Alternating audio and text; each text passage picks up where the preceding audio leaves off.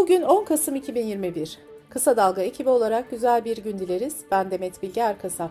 Gündemin önemli gelişmelerinden derleyerek hazırladığımız Kısa Dalga Bülten başlıyor. Partilerin haftalık grup toplantıları olduğu için dün gündem siyaset ağırlıklıydı. İyi Parti Genel Başkanı Meral Akşener grup toplantısında bir vatandaşa küfrettiği için grup başkan vekilliğinden istifa eden Lütfü Türkan'la ilgili konuştu.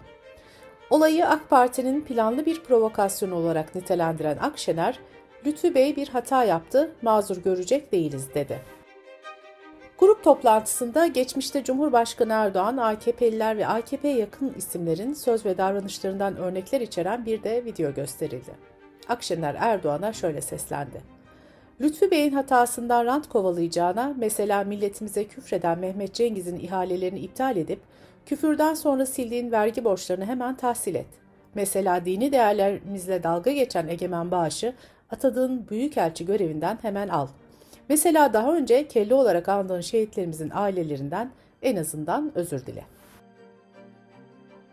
CHP Genel Başkanı Kemal Kılıçdaroğlu da partisinin grup toplantısında iktidar olduklarında neler yapacaklarını anlattı. İktidarların ilk haftasında çiftçilerin aldığı kredilerin faizlerini sileceklerini anlatan Kılıçdaroğlu, İstanbul Sözleşmesi'ni yeniden imzalayacaklarını belirtti. Kılıçdaroğlu Erdoğan'ın ben ekonomistim, Bay Kemal'in kafası bu işlere basmaz sözlerini hatırlatarak şunları söyledi. Benim kafam kul hakkı yemeye, adaletsizliğe basmaz. Sen ekonomistsin, ekonominin geldiği hale bak. Böyle ekonomiste çakpa ekonomist denir. Erdoğan'a bir çağrı yapmak istiyorum. Çık karşıma oturalım. Sadece şehir hastanelerini soracağım. MHP Genel Başkanı Devlet Bahçeli de partisinin grup toplantısında ağırlıklı olarak CHP ve CHP lideri Kılıçdaroğlu'na yüklendi. 50 yıl boyunca yaşanan olumsuzlukları CHP'ye bağlayan Bahçeli şöyle dedi. Türkiye'nin istikrarsızlık dönemleri, kriz yılları, siyasi bunalımları, ekonomik kıtlıkları, kardeş kavgaları, fren tutmayan kutuplaşma fırtınaları CHP'nin tarihiyle özdeştir. Nerede bir anarşist vaka görülmüşse de orada CHP çıkmıştır. Bahçeli, Lütfü Türkan'a yönelik de bir şehidimizin bacısına küfretmek soysuzluktur, şerefsizliktir, düşman dilidir ifadesini kullandı. HDP eş genel başkanı Mithat Sancar da grup toplantısında partisine yönelik kapatma davasında ön savunma verdiklerini hatırlattı. Mithat Sancar, Anayasa Mahkemesi'nin esasa girmeden, bundan sonraki aşamaları işletmeden davayı hemen şimdi bugünden reddetmesini istiyoruz. Teknik olarak ön savunma adını taşıyan bu metinde temel talebimiz budur, dedi. AKP Genel Başkan Yardımcısı araştırmacı Mustafa Şan yaptıkları son seçim anketinin sonuçlarını açıkladı. Bu pazar genel seçim olsa hangi partiye oy verirsiniz sorusu yöneltilen ankete göre AKP'nin oyu %38,5 oranında çıktı. Şen'in açıklamasına göre CHP'nin oy oranı %25.3, İyi Parti'nin %12.1, HDP'nin %9.2 ve MHP'nin oy oranı da %9.9. Mustafa Şen, AK Parti 42,5'tan buraya düştü ve bunun hesabını yapıyoruz diye konuştu. FETÖ'nün kullandığı şifreli haberleşme programı Baylok'un sahibi olan David Keynes, 9 Haziran'da İstanbul Havalimanı'na gelip gözaltına alınmış ve tutuklanmıştı. Keynes hakkında hazırlanan iddianamede silahlı terör örgütüne üye olmak suçundan 7,5 yıldan 15 yıla kadar hapis istenmişti. David Keynes'in 3 Kasım'da sessiz sedasız tahliye edildiği ortaya çıktı. CHP Eskişehir Milletvekili Utku Çakır Özer her ay düzenli olarak kamuoyuyla paylaştığı basın özgürlüğü raporunun Ekim ayına ilişkin verilerini açıkladı. Gazetecilerin görevlerini yapmalarının engellendiğini ve hatta ölümle tehdit edildiğini belirten Çakır Özer, Ekim ayında 50'ye yakın gazeteci hakim karşısına çıktı bilgisini verdi. Asistan doktorların ölümüne nöbet olarak değerlendirdiği fazla çalışma süreleriyle ilgili yargıdan sağlıkçıları üzecek bir karar çıktı. Ankara Şehir Hastanesi'nde görevli asistan doktor Rümeysa Berinşen'in nöbet çıkışında geçirdiği trafik kazasında hayatını kaybetmesiyle gündeme gelen 36 saatlik nöbetle ilgili daha önce açılan fazla mesai ve alacak davalarında bu süre eğitim kapsamında değerlendirildi. Yargıtay ilk derece mahkemelerin 10 ayrı dosya için verdiği red kararlarını onadı.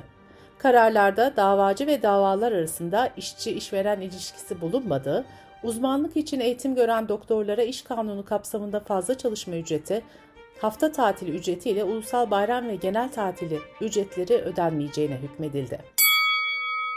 Tüm Eczacı İşverenler Sendikası 52 ilacı ödeme kapsamından çıkaran karar ve tebliğ değişikliğini yargıya taşıyarak Danıştay'da dava açtı. Kamuoyunda Elmalı davası olarak bilinen Antalya'da 7 ve 10 yaşındaki iki çocuğun istismar edildiği iddiasıyla açılan davada sanık anne, üvey baba ve 15 yaşındaki dayı hakkında mütalaa açıklandı. Savcı, anne ve üvey babanın 70, dayının da 30 yıldan az olmamak kaydıyla ayrı ayrı cezalandırılmasını istedi. 3 kişinin tutuklanması talep edildi. Duruşma 15 Kasım ertelendi.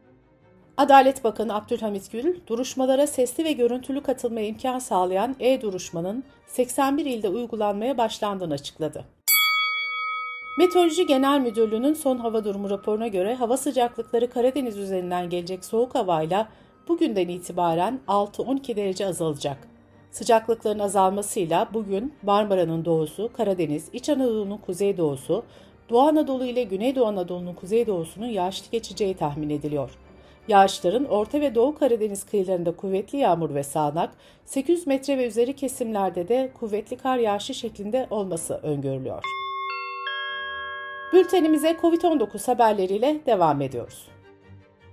Covid-19 pandemisinin fiziksel ve psikolojik etkilerini ortaya çıkarmaya yönelik İngiltere'de yapılan araştırma, kadınların yarısından fazlasının adet döngüleri ve cinsel dürtülerinin etkilendiğini gösterdi. Araştırmaya katılan kadınların %54'ü cinsel dürtülerinin azaldığını, %56'sı adet döngülerinin değiştiğini söyledi. Ordu Üniversitesi Tıp Fakültesi Aile Hekimliği Ana Bilim Dalı Başkanı Profesör Doktor Özgür Engin Yurt, vaka artışlarından aşılıları sorumlu tuttu. Aşılılar rehavete kapıldıkları için bir araya geliyor ve maske takmıyor. Bu nedenle virüsü bulaştırıyorlar diyen Engin Yurt, aşı olmak demek virüsü taşımayacağımız anlamına gelmiyor. Aşılı kişiler de virüsü taşır. Aşılılar da hastalık belirti vermeden bulaşıcılığı devam ettirir. Bu nedenle pozitif vaka sayısı ve bulaşıcılık artıyor uyarısını yaptı. Singapur, koronavirüs aşısı olmayı reddeden kişilerin gelecek aydan itibaren COVID-19'a yakalanmaları durumunda hastane ve ilaç masraflarının karşılanmayacağını duyurdu. Sırada ekonomi haberleri var. Cumhurbaşkanı Erdoğan, Akkuyu Santrali'nin ardından hızla ikinci ve hatta üçüncü nükleer güç santrali için hazırlıklara başlayacaklarını belirtti. Erdoğan, ağaç bahanesiyle vizyon projelerimize kastedenlere nasıl fırsat vermediysek, çevre diyerek enerji hamlemizi dinamitlemeye çalışanlara meydanı boş bırakmayız dedi. Türkiye'de havaların soğulmasıyla birlikte ısınmada faturalar kabarıyor. Doğalgaz ve elektrik faturasını ödemekte zorlananlar kömür ve oduna yöneliyor. Ancak kömür ve odun da ucuz değil. Türkiye İstatistik Kurumu verilerine göre 2019'un Ekim ayında 1 ton odunun fiyatı 643 lirayken şimdi 1015 lira.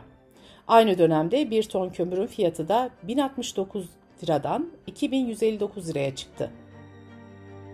Enerji ve Tabi Kaynaklar Bakanı Fatih Dönmez, Cumhurbaşkanı Erdoğan'ın önceki gün kabine toplantısı ardından duyurduğu elektrik faturalarından TRT payı ve enerji fonunun kaldırılması ile ilgili açıklama yaptı. Dönmez, vatandaşlarımıza yaklaşık 3 milyar liralık bir destek vermiş olacağız dedi. İşkur, Ekim ayına ilişkin istihdam istatistiklerini açıkladı. İşkur aracılığıyla Eylül ayında 206.546 kişi işe yerleştirilmişti. Bu sayı Ekim ayında 123.317'ye düştü. Kayıtlı işsiz sayısı Eylül ayına göre %6.8 azalarak 3.122.944 kişi oldu. DAP gübresine bir zam daha geldi. Gübrenin tonu 7800 liradan 7950 liraya çıktı. Bir dekar buğday ekmek için kullanılan gübrenin maliyeti 9 TL artmış oldu. Çiftçiye dekar başına verilen gübre desteğinde ise 4 liralık artış yapılmıştı. Bu arada DAP gübre içeriğinde fosfor ve azot gibi iki önemli bitki besin maddesi bulunan kompoze bir gübre olarak tanımlanıyor. Otomotiv firması Ford, Kocaeli'nin Gölcük ilçesindeki fabrikasında üretime ara verdiğini açıkladı. Buna göre fabrikada 17 Kasım'a kadar üretim yapılmayacak. Açıklamada yarı iletken tedarikinde yaşanan küresel sıkıntılara vurgu yapıldı. Dış politika ve dünyadan gelişmelerle devam ediyoruz.